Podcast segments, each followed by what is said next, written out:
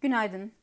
Türk Hava Yolları'nın ikinci çeyrek FAVÖK rakamı 15.7 milyar TL ile beklentiyi %4 aşarken net kar 9.2 milyar TL ile piyasa beklentisinin %33 oranında üzerindedir. Bu denli kuvvetli sapmada operasyonel olarak güçlü sonuçların yanı sıra türev işlemlerinden kar, finansal faaliyetlerden net kur farkı gelirleri ve düşük efektif vergi oranı rol oynamıştır.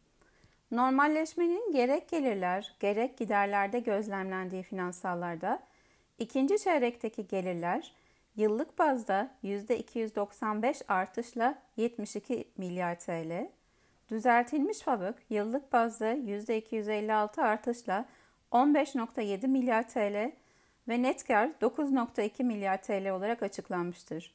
Şirketin ikinci çeyrek 2021'deki net zarar rakamı 497 milyon TL'ydi.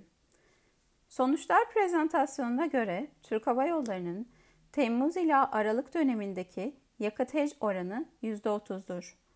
Azalan borçluluk, finansallar ve makro revizyonların etkisiyle hisse için 12 aylık endeks üzeri getiri tavsiyemizi revize 80 TL hedef fiyatla koruyoruz.